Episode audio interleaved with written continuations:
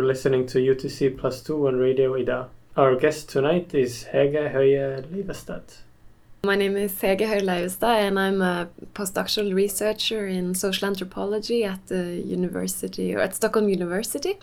I, I also did my PhD at uh, at this department in Stockholm, um, and before that, I used to study anthropology in Oslo. So my anthropological interest grew grew out from Norway, where anthropology, as for a long time, has had a, a much more um, visible position in, in in the society in terms of of media and so on. We've had very good pi pioneers in Norway, and people with like Hylland Eriksen with his own uh, radio pro no TV program and so on, but also before, long before that, Fredrik Barth was an early pioneer of anthropology in in Norway, and more and more with him. So I think it was uh, my anthropological interest grew quite early before starting uh, university actually, and then I did my bachelor and my masters in, in Norway in, in anthropology. And already then, I think that my interest that I that I continued to to to follow up in my research started as well in, in terms of my interest in on, on mobility issues and, and, and also later on materiality issues. They they started to grow already during my studies. So when I did my master thesis, I went six months to or seven months actually to do field work in in northern Spain in Santiago de Compostela on pilgrimage and tourism. Uh, so this was an and the thesis that I wrote was the master thesis was very oriented towards issues of, of how to understand mobility and, and, and, movement and so on. And then when I, I applied for a PhD position in Stockholm, I I decided that I, I discovered I, I'd already worked for a while in Norway with environmental research and I was involved in a project on, on kind of leisure issues and so on and also mobility in the broad sense of the term more in an interdisciplinary sense, right? But then I discovered that there was very little research done on all these mobile dwellings and mobile homes that I that I saw all over, right? On Norwegian roads or on holidays or I was very interested and fascinated by these by these mobile dwellings um, that I didn't really understand, right? And the class issues and everything that came with it. My doctoral work, my doctoral thesis, um, dealt with the caravan as a as a material object and, and issues of mobility. And then um, I, I, I, I, finished my PhD thesis in, in 2000 and I graduated in, in 2015, so three years ago now. And since since I and this this was of course a topic that I'd worked on for a long long time. So one part of it it was the was the issues concerning the the topic itself, right? So we have the caravan and all the camping that came with it. So this was a topic that evoked a lot of interest in media, for instance. I think I had journalists calling uh, every other month for several years and, and did a lot of, of interviews and, and they still they still call me on this topic because it's kind of a, a popular topic in society, right? So then the role of the anthropologist would be okay, but what is more to this?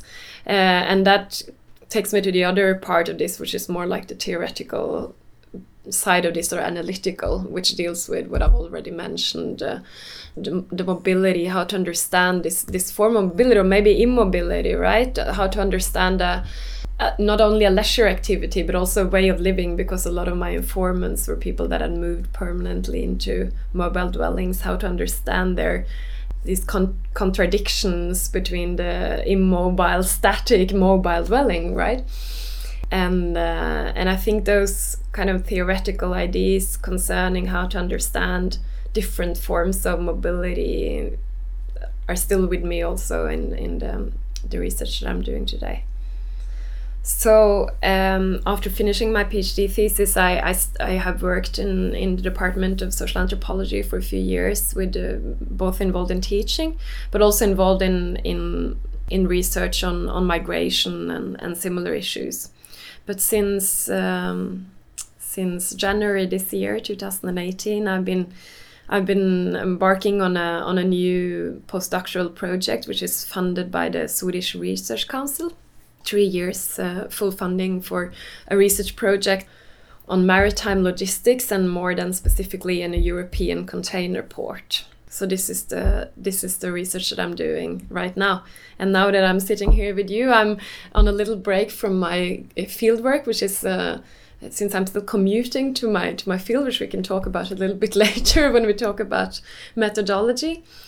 But to bring you into this to this project, and it's it's a project that that takes kind of logistics as as its point of departure. And what is logistics then? Um, well, logistics is a restructuring of production and reproduction that has its roots all back to, to military logistics and we're talking second world war here and so on so it's a way of circulating um, it's a way of circulating let's see if i can find the right words it's a way of um, managing managing the movement of, of the mobility of commodities in a, in a kind of cost efficient and time efficient way, right? The logistics had gone from being a kind of military technique. Then after, let's say, the Second World War, then it has moved into the corporate sector. So all of us kind of know logistics as a kind of management of, of commodity flows, right? So this is our own, and the the kind of tricky thing about logistics is that it's also a kind of business in itself, a kind of art it. It's an art in itself, but it's also kind of science in itself, right? So there are all kinds of science produced on how to perform and develop better forms of, of logistics. And it's, I mean, it's a powerful global industry uh, moving a lot and a lot of, uh, of money. If we think about there are some there there is a there is a, of course now I'll talk a little bit more about that but because how how are we as anthropologists supposed to or able to to approach logistics then there have been some work done on this in the social sciences and logistics revolution is something that comes hand in hand with a lot of different techno technological developments we can think about as in my case, maybe one of the most important thing is the containerization, right? The invention of the of the shipping container, and but we can also think of other kinds of technological developments um, in terms of automatization and different forms of manufacturing, new information technologies that have, have changed the ways of of kind of distributing commodities and all these and, all, and this industry is something that I mean, uh, is changing. is changing a lot of the of the world and the, and the societies we live in, right? Or you, you can just drive outside Stockholm and see enormous logistical parks, and and also it's, it's also transformation of space and this that is that is crucial. And my interest in this is more from the angle of or the entrance point of maritime logistics because still it is the case that 90% of all the commodities that uh, are transported uh, worldwide are still transported by sea.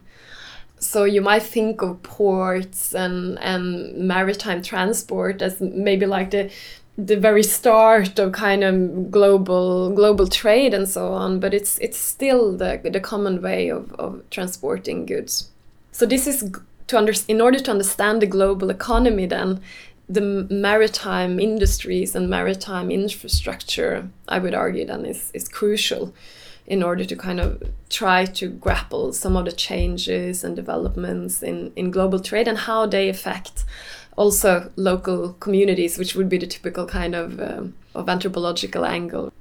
My projects more more concretely then, which which I said started with the with the issue of logistics starts also with the idea that in order to, to kind of approach logistics, we need to try to understand logistics in practice.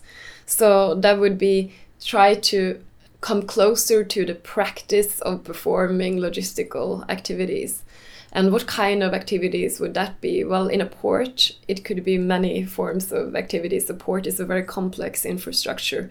The whole illusion of how commodities are moved worldwide in a kind of smooth smooth mobility is obviously an illusion. So then one of our tasks would be to say okay what is going on here, what we'll talk about today in terms of mobility and time, but also in terms of labor and power, shifting power issues, and so on, which are crucial in order to kind of understand also the inequalities that are that are taking place in these in these in these places that are so central for for human development and and and trade. So more concretely, then my project um, centers on a specific port. This is a this is a container port in southern Spain called uh, Port of Algeciras Bay, so Puerto de, de la Bahía de Algeciras. It's a port um, located on the Strait of, of Gibraltar. So we have Morocco just across the strait. You have Gibraltar uh, as as its neighbor. Globally, this is not it's, it's not like an Asian megaport because we're still talking about Asia. So Asia is still a kind of center of a lot of what is going on in the maritime world, both in terms of uh, ship um, shipbuilding and and location of. Um, of uh, large shipping lines and so on, and also all the transport that goes on between Asia and America and so on. Asian ports that are the ports that move the most goods in the world are are, are huge in comparison. But if we look at Europe, this is the port of Algeciras Bay is Europe's fourth uh, busiest container port. So, and it's a port that it is strategically located, as I said, along the Strait of Gibraltar, which is one of kind of the four central passages that you can that you can find in the world. We have. Uh, you know, you have the Suez Canal and, and and the Panama, but then you also have the Strait of Gibraltar. So there's a lot of maritime transport that is uh, forced to to move or its quickest route is is through this this strait.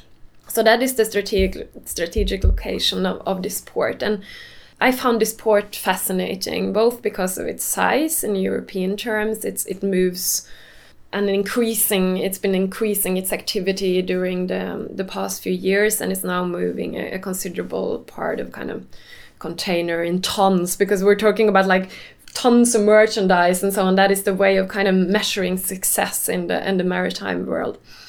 Um, but then it's uh, it's uh, so I, I, found this interesting. But then it's also, of course, it's geographical location because uh, we can't try to understand we can't try and understand these global these kind of developments but also kind of consequences of global trade without without starting in local context. This part of Europe is interesting in itself. Um, I already mentioned uh, it's a border area, a complex border area, but it's also an quite an abandoned part of Spain. We're talking about an area that has been uh, neglected in terms of economic. Um, investments and infrastructure development and so on. It's also an area that has been quite affected by its neighboring relationship with with Gibraltar or Gibraltar.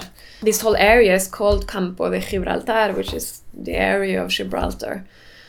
And this rock is, you know, when I wake up in, in the morning and I walk down the road, I see the rock every day. Uh, so it's a visible kind of um, and and the Spanish would refer to is a lot of the Spanish would refer to as a colony still, right? And now now it's on the news all over with Gibraltar exactly this week because we're we're sitting here in the week before the vote in, in the European Parliament on Sunday on whether they will agree on a Brexit deal. And, and one of the main problems at the moment is exactly the relationship between Spain and, and Gibraltar, where Spain has now threatened to, to, to vote, to, to use their veto uh, against the deal just because of the status of Gibraltar.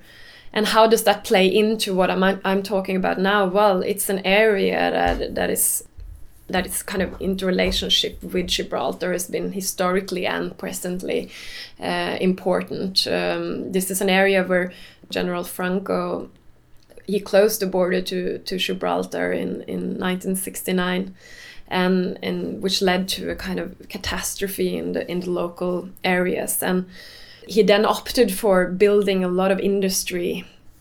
And just to finish up what I'm talking about in terms of Gibraltar and, and the neighboring relations in this area, then this is also particularly enough, this is the, one of the areas in Spain with the highest unemployment rates. So we're looking at between 30 and 40 percent in the neighboring communities of, of of uh, uh, Gibraltar and in, in, in Algeciras, it's it's it's been lying around. We're almost at thirty percent, right, around thirty percent. So it's a high, it's a very high unemployment rate, and among young people, it's it's even, and it's also because of its geographical location, the entrance point of everything, which means that it's the entrance point also of drugs.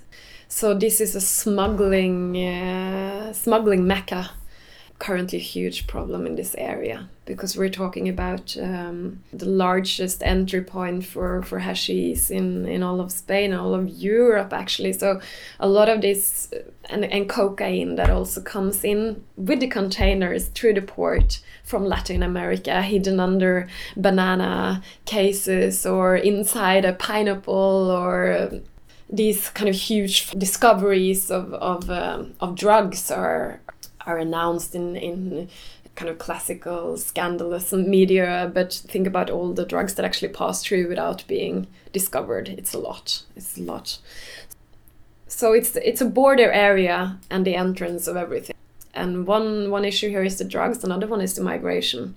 Because now as we've seen the migration routes from africa shifting again uh, west the western Mediterranean is again starting to become uh, an important cross crossing route for for the boats that try to cross the Strait of Gibraltar. We can see, I, I, I, mentioned that I, I can see Gibraltar every morning, but I can also see the coast of Morocco when it's a clear day.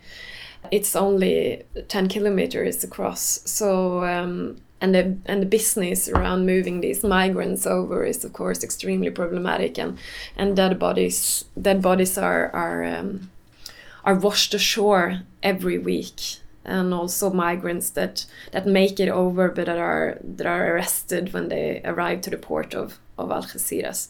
This is something about the local area. I also mentioned that it's also an area with with lacking infrastructure. We're talking about uh, Spain's biggest container port with no functioning train at the moment. The European Union's demands that there should be a, a high uh, a high speed electrified train line that goes all the way from Algeciras up to, to Europe, up to, to Brussels and so on has not been been completed and and now after heavy rainfalls the whole train uh, line has actually collapsed completely. And this is a train line that was established by the English uh, in in the late 1800s, right? And already in 19, if I'm not wrong about the year here, we're talking early 1900s at least, there was a, a, an agreement that we would see a modernization of the train to from Algeciras and all the way up to Madrid and then continuing up, which is called kind of the central corridor of of uh, of this kind of net network of, of, of train lines that are ra railway lines. Train lines is not right; it's the railway, right? And this has not yet happened. So this is causing a lot of frustration in in Algeciras and in, in the neighboring communities at the moment, not least because it's also a problem for the port. And here we come to one of the kind of specificities about this port, which is makes it also interesting. I, I, started talking about the kind of things that that fascinates me about this port. This is also a port that uh, is a transshipment hub. And what does that mean? Well, a transshipment hub means that it's it's a kind of, as I said, a strategic location for these huge container lines that goes the way from east to west and and from north to south. So what it does in in in practice is that um, you would you would you would see that the goods that are loaded are unloaded in order to be loaded on another boat to go somewhere else. So it's a connection point, right? It's a it's a hub, which which means that in the case of Algeciras, uh, more than ninety percent of all the goods that move through the port are not goods that are moving into Spain or into Europe, and it's moving on to somewhere else. But then you have this small percentage, right, which is the import-export part. And this is, a, of course, then a part that's the port is interested in in developing and then a train would would be would be uh, would be good both in terms of economy and, and ways of connecting with the rest of, of Europe. Transshipment then and, and the kind of work that is being done done in this port. So as I already explained it's loading and unloading containers but this is much more complex of course and it's extremely complex. If you start i started when i started my work i i talked to a guy that knew the port very well and he said yeah but you know you have to think of it as like an extreme system with all these and then i made a little map right i i, I wrote port puerto uh, in the middle and then i started then i started kind of like draw draw the lines and i'm going to show it to you while i talk here so so this is just the port that I'm studying. It would be what would be the kind of uh, actors that are involved in all this mobility of goods that takes place in a port? Well, you would have the port authorities. There are state there's a state authority with a lot of kind of private investments and so on. Then you would have all the kind of associations in firm, in terms of, of um, marketing of the port and, and international relations and so on. Then you would have the logistical areas often located outside the port. Then you would have the official institutions such as uh, you would have customs, border controls, you would have all these port police, for instance, which is a, a whole kind of group of, of, workers, which is very big in Algeciras. Then, of course, you would have the terminals themselves, the container terminals, uh, which are there are two of them in in Algeciras, which are owned by foreign foreign in, is foreign investment we're talking about here. The first one here is is Maersk, which is our Danish uh, shipping mogul's uh, own uh, own terminal, and it's been there since uh, since the um, since the 90s or even before when Maersk started started raising their interest in in Algeciras. But uh, then on the other side, you have a have a Korean uh, owned uh, terminal. And then you have, of course, all the shipping lines that are involved in the, in the activity here. But then you also have a passenger terminal in this port. So it's a very complex port in that sense because here you have a lot of traffic also between the Moroccan coast and and and Spain. And then you have, the, of course, the the fishermen, which don't really this has this is an activity that has diminished almost completely because of the of the complex conflicts with with Morocco. And then you have the sports kind of area of the port. But then you also have all these companies that are involved in the logistical activities, like the logistics company. You have these uh, shipping agents, you have the custom agents, you have uh, all kinds of uh, ship repair, you have the um, you have the shipbuilders, uh, you have technical repair, you have bunkering, and then also, of course, other other kind of groups of laborers that are completely necessary in order to make a port work. So you have you would have the kind of pilots that would would guide the ships into to port, right? And you would have the people that would uh, help the ships get anchored, and then you will also have, of course, an extremely important group here are the, are the dock workers looking at these workers, you also have, of course, then their own unions and so on that are political interests here. So this is just to mention some of the complexity of a port. So it's an extremely complex infrastructure to try and make sense of. Uh, I can tell you after after spending all of this year um, going back and forth to this port, it's extremely, extremely complex uh, a lot of internal politics, but also politics that goes way outside the kind of physical limit limits of a port.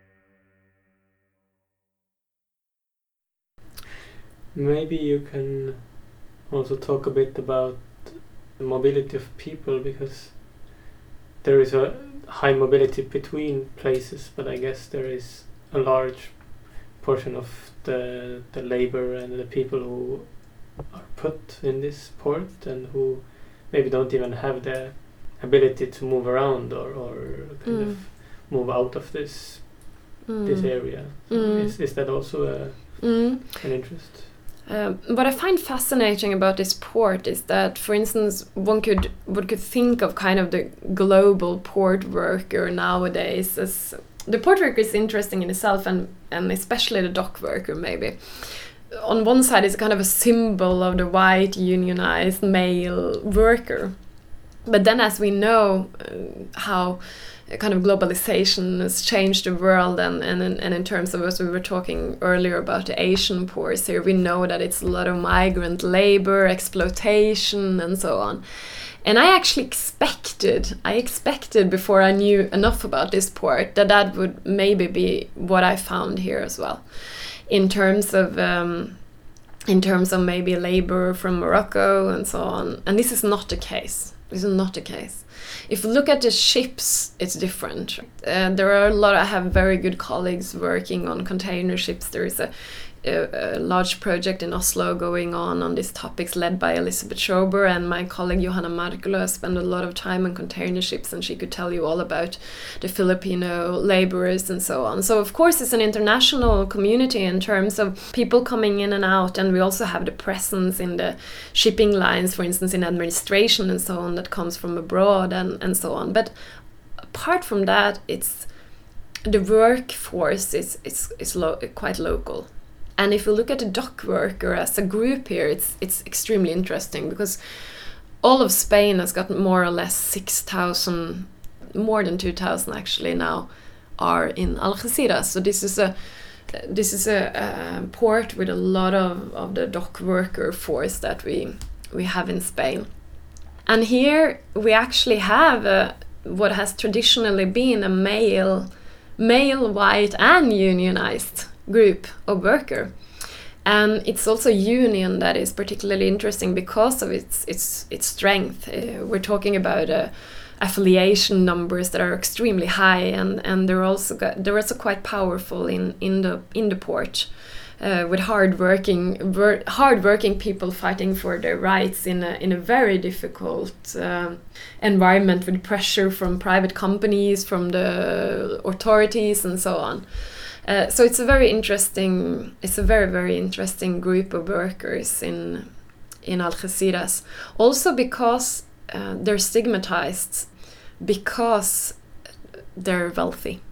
And this is interesting because if we think about the exploitation that dock workers are facing in a lot of other ports, I would also say that these workers are exploited, but in other terms, because they have sold their time, their time and their life to, to the to the port, to the global shipping, but they they're earning money on it so it's a group that that whose salaries are, are high but it's because their salaries are also dependent on production right? So the faster you move containers in a group the more you earn. So and you can double your turns and sleep less and so on and so forth. So but this has led this group to be to be rather stigmatized and envied in, in the local community which is which is a, a thing that i'm looking more more closely at at this moment. Um, with engaging with the port workers and and also now trying to write something about their situation and and how they uh, think about their situation in, in, in the port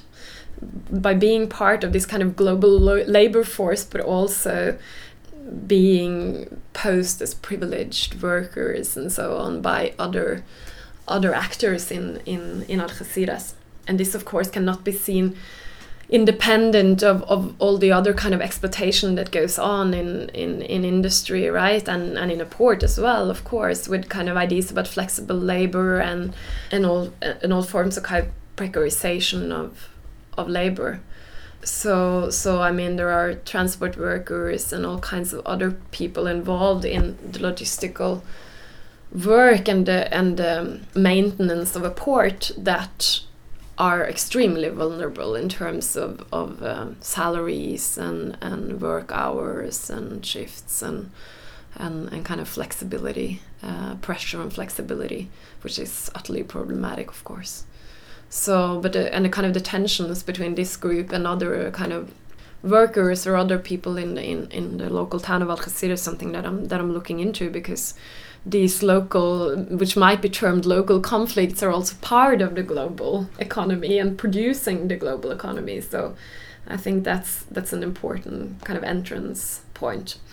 Uh, yes and no on your question because actually there are if you talk about about foreign labor and so on, it's it's it's limited uh, what you can see in the port, but it's um, uh, but labor is still an issue, which is which is extremely important um, in order to un understand what is going on, and not only. I mean, we're not only talking about physical labor here and so on. This kind of ways of organizing logistics labor also takes place in, in offices around the port and in private companies, which there are tons of in Algeciras. And you would see, uh, and I've, I've actually spent quite a lot of time trying to kind of understand what is going on inside these offices, how containers are moved, but from a computer, or how boats are, are directed and, and or ships are directed and, and, and, and serviced and so on from, from an office, right? So mm, that's also part of, of the labor of, of logistics. I think we also said that we would talk a little bit about time and, and the issue of time here because of course it's it's it's crucial time. If i said that logistics was kind of the science of moving commodities as as quickly as possible and uh, or not maybe as quickly but ju the just in time idea of logistics right just in time idea is, is it's all about time and timing. And this is extremely interesting when you start looking at it because if you sit in one of the i've been doing similar observation in, in shipping age you know shipping agents for instance where where they have the responsibility of being kind of the local repres representing the the shipping lines or um, and so on locally right? Or the or the or the ship owners. And it's so fascinating to see how how the idea of kind of moving containers depend on so many factors of so this this whole idea about smooth mobility is, is kind of breaks down in two minutes in an office like that because you would see how oh no, bad weather stopped my ship over there, or they're putting this ship in front of it, and how are we gonna do now? And uh, and and the owner is angry, and so on and so forth. Or or uh, oh no, they messed up with the transportation of our containers that were supposed to go to to Italy with this trailer, and now they're stuck in the port, and they just left them on the pier, and what is going on? Or or another example, oh no, I have I have three Chinese cars in a in a warehouse in the port and it's been they've been stuck there for three months because uh, and the, and the money is just ticking and ticking because I can't the company that should be responsible for this send the proper uh, documentation that is necessary in order to move them through customs, for instance, right? So all these kinds of things, if you think through time and temporality, it's it's crucial just the whole idea about just in time requires all these hard all these kind of hard work in making things fit. That's that's the whole kind of of idea about about logistics. And then if it fails it can have severe consequences for for everyone from the from the from the person that's done something wrong in front of the computer right to the to the other people involved in in these processes and the and the and the kind of tie between time and capital here is extremely crucial because because uh, you would hear all the time that uh, time in the port is losing money it's losing money. And then I was reminded when I presented some of this work at a conference yeah but professor told me yes but but uh, lose someone else is earning money on, on that someone else is losing time. So all this um, this is true of course. Someone in the port is is, is is gaining on on the on it as well. But um, yes i think i think that that thinking through time time and temporality in in relation to to logistics is also a way kind of way forward. I think that also i could say something about the study of logistics as a what is a new field in the social sciences because as I told you earlier, uh, logistics is is a science in itself, right? But when I talk about logistics, I talk about it both as a kind of object of study, but I also talk about it as a as a kind of lens through which one can understand other forms of processes, global processes. In this sense, uh, I'm building on on a, on a growing growing scholarship on these forms of issues. We have fantastic scholars in geography and and in kind of both in geography, political science, and philosophy that have, have been working on these these issues for quite some time now. Not not very long, but for quite some time, and we have we have fascinating people like uh, Deborah Cowen in Canada, and and we have um, Brett Neilson and, and Ned Rossiter has written a lot on, on logistics. But then we also have a growing interest in, in human geography. There's always been an interest in transport geography in term in, in ports and, and those kind of issues. The, this interest have, been, has, has been long standing. It's, it's a whole kind of sub discipline, uh, I mean, in, in transport geography, the whole study of ports and so on. But then also we have now human geographers and other kind of more interdisciplinary researchers that are very interested in in in what they call critical logistics and that is also a way of repeating what i said earlier a way of kind of using logistics also as a kind of lens to understand other things and also paying attention to, to different forms of logistics and then we're not only talking about maritime logistics of course mean we're talking about other other kinds of logistical activities. So there is a growing scholarship which I find very interesting. So interestingly enough, then why where is the anthropologist in this? And I think also that I can and I can say that when I started this this project, or I started uh, at the same time as, as other people, um, other colleagues internationally that have, that have kind of shown interest in, in similar issues. I mentioned uh, the project in Oslo before, but there are also other a lot of other scholars interested now in, in, in shipping in general, but also in ports as a kind of critical infrastructure,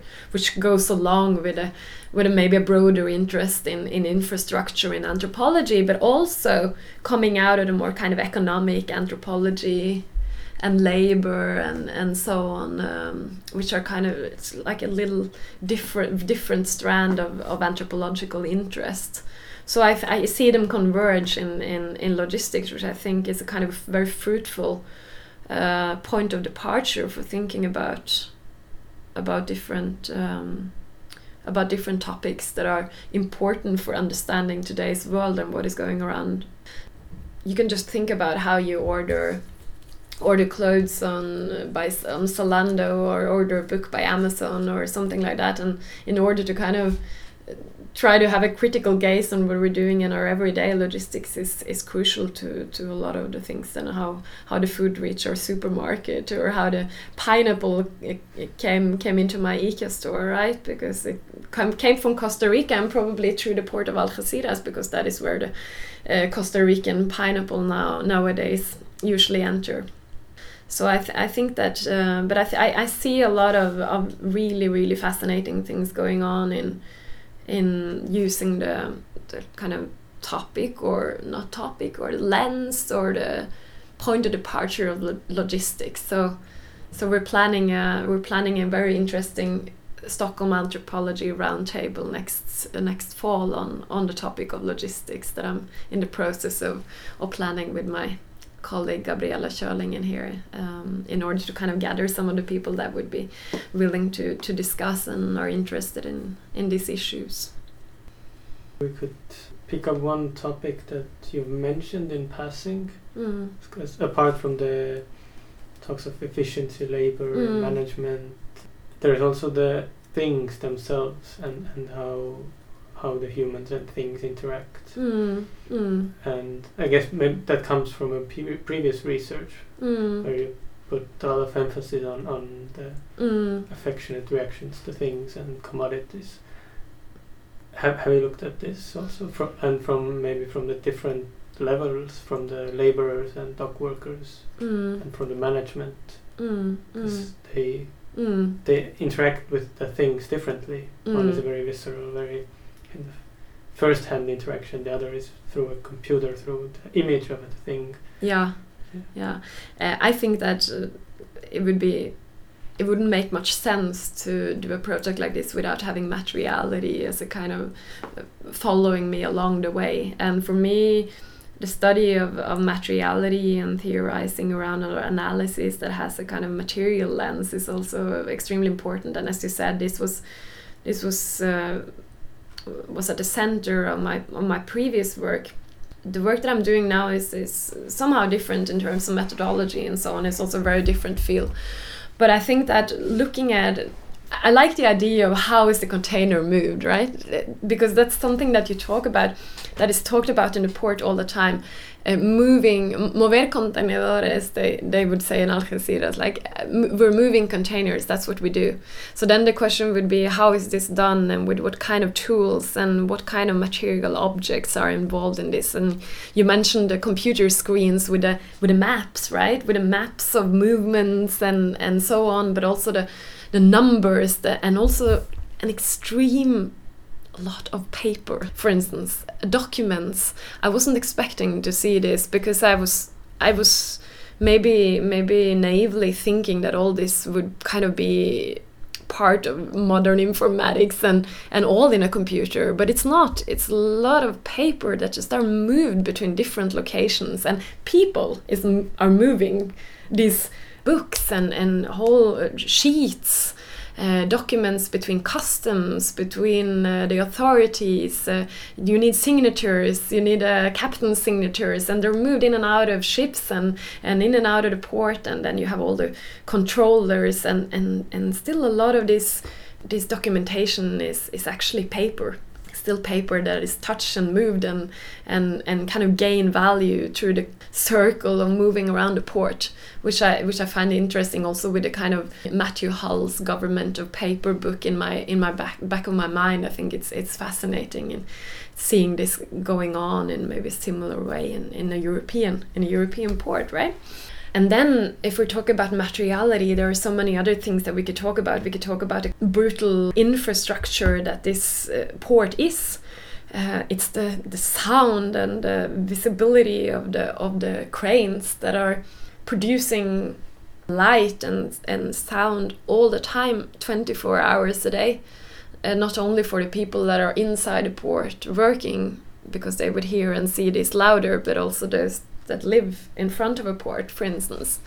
And then it's all the all the cars, all the trailers, all the containers. The container itself has been kind of an object that has gained a lot of of academic interests uh, in recent years as a, as a kind of fascinating uh, object and a symbol of, of, of global trade and, and development. So, but I think that it's interesting when I started off saying that, like moving a container, what does it take, right?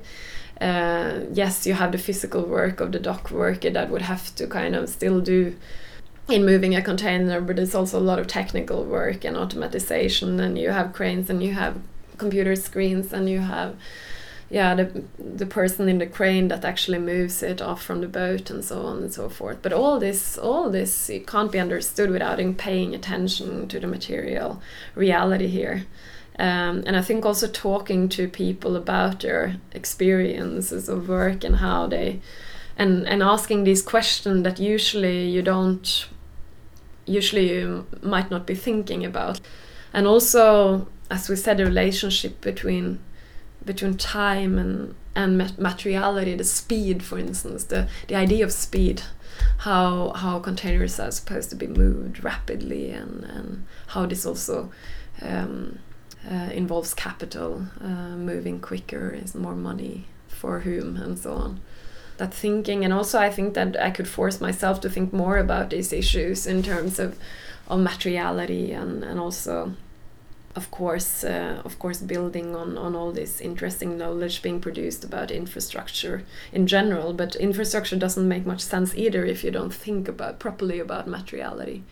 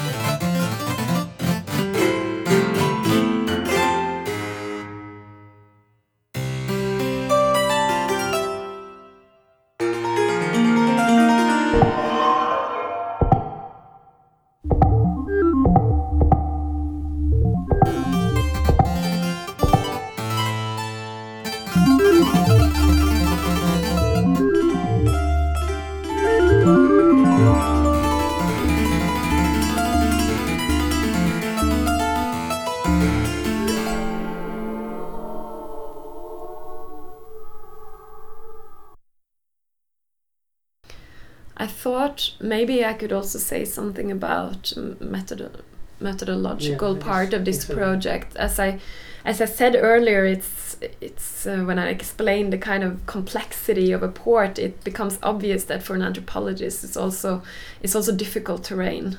I knew this before I started, um, and my greatest fear was actually access, because from what I had read and what I knew, ports are extremely securitized spaces, uh, which is true, of course. So I had kind of modest uh, expectations of where I would gain access. I had relatively little uh, contacts in, in Algeciras before starting this project. I have to mention that I've lived in Spain for periods of time. I've done other projects in Spain. I've done I've done a couple of field works before being based in Spain, and I would never have been able to do this work that I'm doing now if I didn't speak uh, fluid Spanish and had a great knowledge of Spanish society and and I knew all the I, I know the bad bad words and I, I learned my I learned my language on the street and I think that would have been completely impossible to do this work if that wasn't the case. Uh, because the English, the knowledge of English in, in in in large parts of Spain is still is still limited, and but access is is problematic. And as i said i had limited contacts. And i knew someone who'd worked in port related issues but i i I, I was lucky. So i was lucky. I knew i knew one person in in in algeciras. And met him and his wife.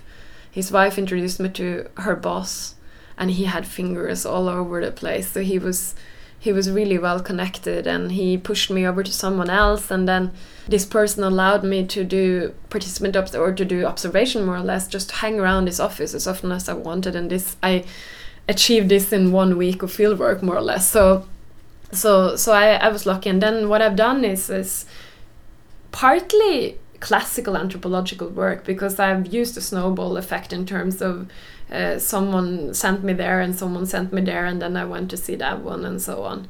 In the beginning, I, I spent a lot of time trying to kind of make formal arrangements in terms of of setting up uh, conversations and interviews with semi-formal interviews with company owners and logistical actors that had more kind of official roles and then slowly through these offices that i was granted access to i could also move into other kinds of logistical areas. So i found it much more difficult with with official um, official administration for instance where i but where you often get is can be kind of more formal setup interviews and so on which also can have a lot of value but i think it needs to be com combined with other forms of, of participant observation I wanted to to get closer to the workers in the port and the also the people involved in in physical kind of more traditional port labor. So now I'm spending time with the workers involved in the unions and and they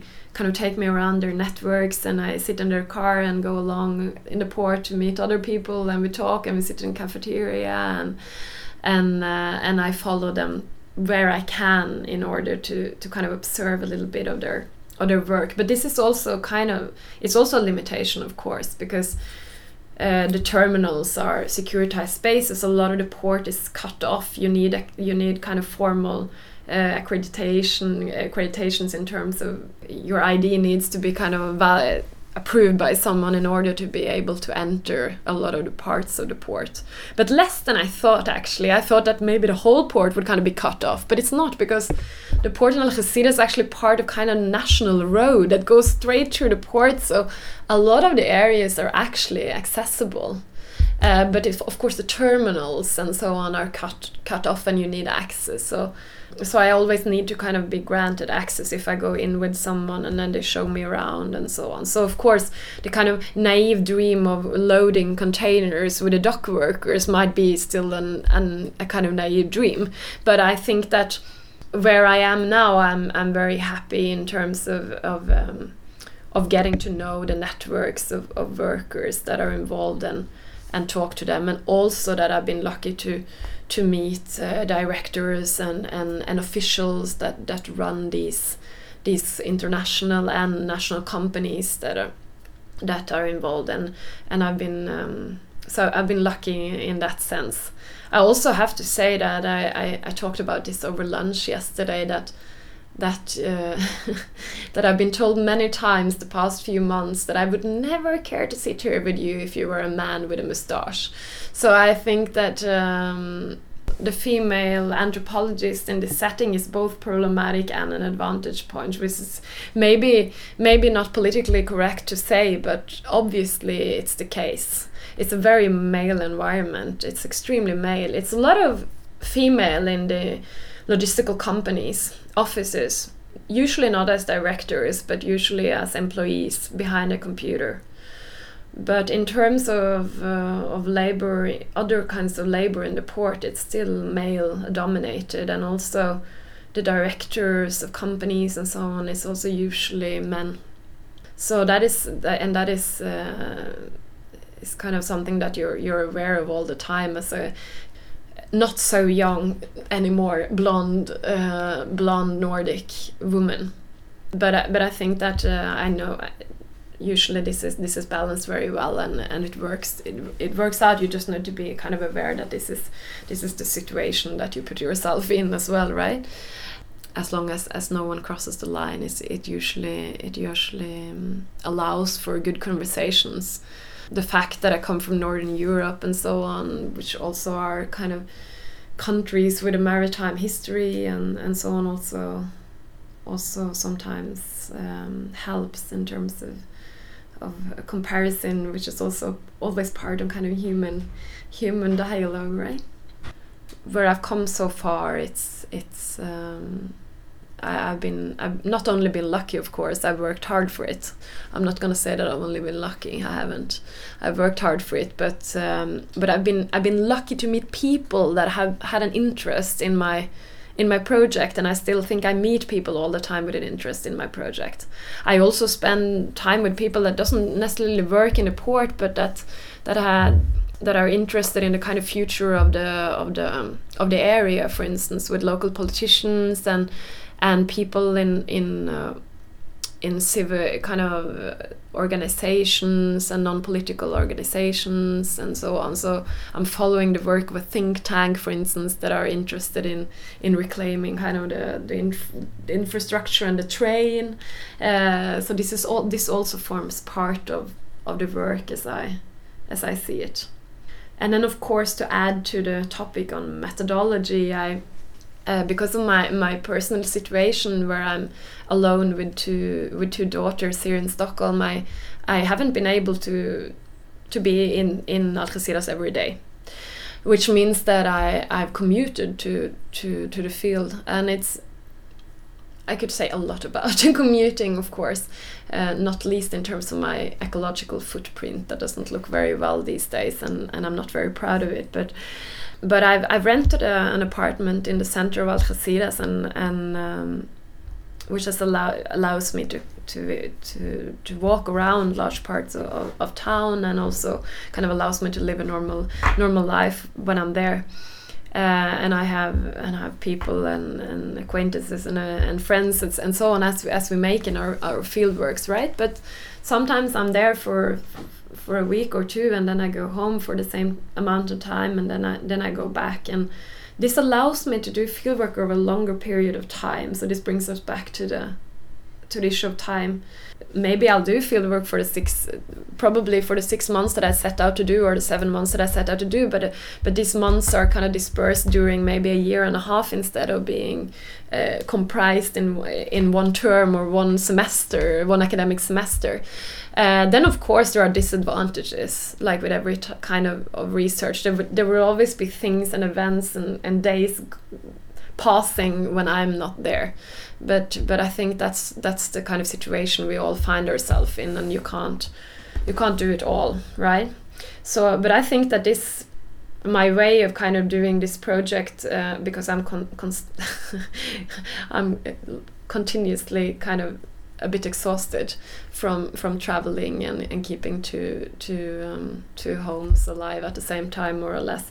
I think it also reminds us how the ideals of anthropological fieldwork also not always go hand in hand with the life situations of of us as anthropologists and as a young as a young woman uh, without a permanent um, without a permanent job.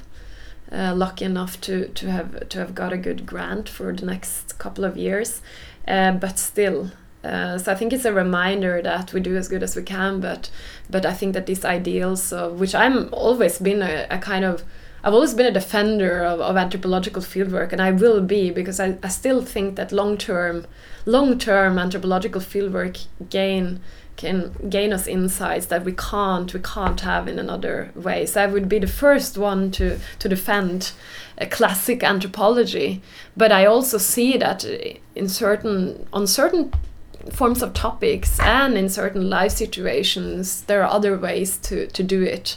And in my case it's it's still a classical anthropological fieldwork uh, in one one place or if you want to say that in one kind of geographical area and a port uh, with workers and so on and deep hanging out but but I, I, I take maybe perhaps uh, I go away for, for more more frequently that that I would have done and or that other people would have done perhaps with another kind of life situation. So I think yeah yeah I think that that there are always ways to to work and but I would I would not have it would not have been able to do this work without kind of engaging with it for a longer period of time and and by doing by doing participant observation and as a, in combination with other kinds of conversation with with informants or interlocutors. So yeah, I guess, I guess that was kind of partly a defense and partly an excuse, as it always is. You've been listening to UTC Plus 2. Our guest tonight was Hege Høyer Leivestad.